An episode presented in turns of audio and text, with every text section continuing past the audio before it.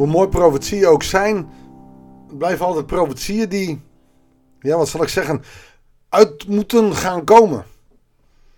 En een aantal van de profetieën uit Jeremia zijn pas vele honderden jaren later uitgekomen. En zelfs nog de diepte van de profetieën moeten nog uitkomen. Maar één ding weet ik zeker. Nu we wat verder terugkijken, is die profetie heel diep. En zien we dat Jezus hem zelf ook bevestigt. En dat maakt zo'n profetie ook weer zo prachtig. Dat maakt zo'n boek als Jeremia ook weer zo ontzettend boeiend. Want we mogen gewoon weten dat het woorden van God zijn. Waarom? Omdat hij het laat uitkomen. Het is geen dode taal, het is levende taal. Laten we maar gaan lezen. Goeiedag, hartelijk welkom bij een nieuwe uitzending van het Bijbelsdagboek. We lezen Jeremia 31, vers 31 tot en met 40. De dag zal komen, spreekt de Heer, dat ik met het volk van Israël en het volk van Juda een nieuw verbond sluit. Een ander verbond dat ik met hun voorouders sloot toen ik hen bij de hand nam om uit Egypte weg te leiden. Hij doelt hier op het verbond wat hij in de Sinaï aan Mozes heeft gegeven. Niet alleen maar de tien geboden, maar alles wat hij Mozes heeft doorgegeven. Wat we in de eerste vijf boeken kunnen lezen.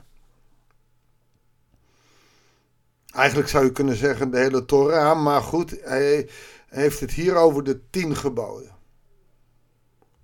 Maar het volk heeft dat verbond verbroken. Hoewel ze mij toebehoren, spreekt de Heer. Maar dit is het verbond dat ik in de toekomst met Israël zal sluiten. Opnieuw stenen tafelen?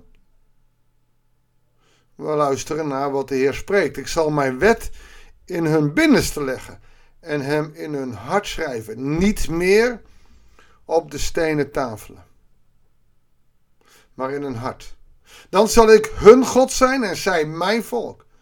En men zal elkaar niet meer hoeven te onderwijzen met de woorden: leer de Heer kennen. Want iedereen, van groot klein, kent mij dan al. Spreekt de Heer. Ik zal hun zonde vergeven en nooit meer denken aan wat ze hebben misdaan. Wat gebeurt hier nou? Dat oude verbond, wat met Mozes uh, gedaan is, is, is zo vaak verbroken dat het voor God niks meer uitmaakt. En je ziet hier het nieuwe verbond. Nou, dat zou of op een nieuw moment kunnen. Alleen als christenen zien we hier ook gewoon de vervulling in van het verbond dat Jezus sluit. Hij uh, is het einde van de wet, eigenlijk het voleinde van de wet. En we lezen dat in Lucas 22, vers 20. Als hij het avondmaal instelt, zo nam hij na de maaltijd ook de beker en zei: Deze beker, die voor jullie wordt uitgegoten, is het nieuwe verbond dat door mijn bloed gesloten wordt. Dus door het bloed bezegeld het nieuwe verbond. Belangrijkste van zijn opstanding en zijn, zijn dood en opstanding is ook de vergeving van de zonde. En daar heeft hij het over. Ik zal hun zonde vergeven en nooit meer denken aan wat ze hebben misdaan. En als je het hebt over vergeving, dan gaat het hierover. Uh, dat hun zonde vergeven worden en nooit meer denken aan wat ze hebben eh, gedaan. Eigenlijk eh, zou hier moeten staan dat ik ze nooit meer voorleg. Want God is natuurlijk niet uh, seniel, geen Alzheimer heeft hij.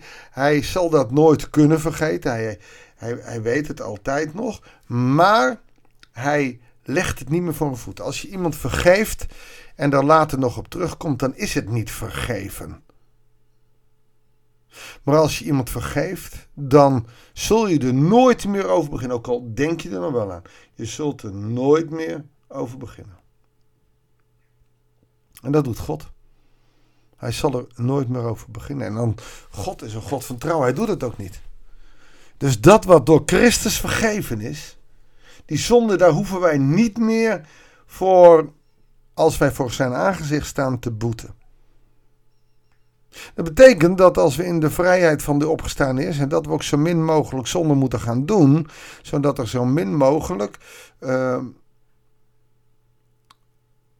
excuses hoeven gemaakt te worden, zeg maar, op de jongste dag. En ook daarvoor zit het antwoord hier, want hij legt de wet niet in ons verstand, maar in ons hart. En het mooie hiervan vind ik dan weer. Ehm, het komt in je hart, maar het is in ieder in het hart gelegd. Ik zal mijn wet in hun binnenste, dat is niet eens hart, maar dat is hun ziel. Maar het ook in hun hart schrijven, dan zal ik hun God zijn en mijn volk. En men zal elkaar niet meer hoeven te onderwijzen met de woorden leer de Heer kennen. Wat is dat nou? Ik denk dan aan Pinksteren, maar ook aan wat God in de schepping heeft gedaan. Hij heeft de mens de ruach gegeven. Dat moest telkens weer, want zij hadden de geest nog niet ontvangen. Ook met Pinksteren pas worden ze helemaal vervuld. En ik denk hier dus ook aan Pinksteren. We hoeven niet meer tegen mensen te zeggen wie God is. Waarom? Omdat zij allemaal die levensadem van God hebben gekregen. We ademen allemaal, we hebben allemaal een ziel. Alleen de meeste zielen doen niks met God. Maar ze kennen hem wel. Niet voor niets dat in dit hele land uh, enorme honger is naar geestelijk voedsel. En de ene gaat dat zoeken in het boeddhisme, de andere in bomenknuffelarij, weer een ander in een een of ander self-made god, uh, in de yoga en, er steeds minder. Bij de gever van die ziel, namelijk de Heere God. Dus leer de Heer kennen, dat moet eigenlijk wel weer. Maar het mooie daarvan wel, er is basis in ieder mens. Want die levensadem, die ruach, zit erin. Lees maar eens in Genesis hoe hij de mens de levensadem, de ziel geeft. En iets van zich, hè, want die levensadem is de adem van God, die zit in de mens. Zeker als hij vervuld wordt door de Heilige Geest met Pinksteren. Dus ook die belofte zit erin. Wat een prachtige profetie. We gaan even verder. Vers 35. De Heer zegt, die de zon heeft, hè, dit zegt de Heer die de zon heeft gemaakt als het licht voor de dag. De maan en de sterren als de lichten voor de nacht. Genesis 1. Die de zee opzweept, zodat de golven bruisen, wiens naam is Heer van de hemelse machten. Pas als deze orde dat is dus de schepping, ophoudt te bestaan, dat is de eindtijd, spreekt de Heer, bestaat ook Israël niet meer is het niet meer voor altijd mijn volk. Dit zegt de Heer, zoals de hoogte van de hemel niet gemeten wordt, de diepte van de fundamenten der aarde niet gepeild, zo verwerp ik niet het nageslacht van Israël om alles wat het heeft gedaan. Ik zal ze genadig zijn. Zo spreekt de Heer. De dag zal komen, spreekt de Heer, dat Jeruzalem wordt herbouwd en aan mij wordt gewijd. Dan loopt de muur weer vanaf de Ganaeltoren tot aan de hoekpoort. En vanaf dat punt zal er worden verlengd naar Gareb. En dan een bocht naar Goa maken. Hij zal om de vallei lopen waar de doden worden begraven en de as wordt uitgestrooid. En dan verder om alle akkers tot aan het Kidrondal. Van daaraan loopt er de hoek van de paardenpoort in het oosten.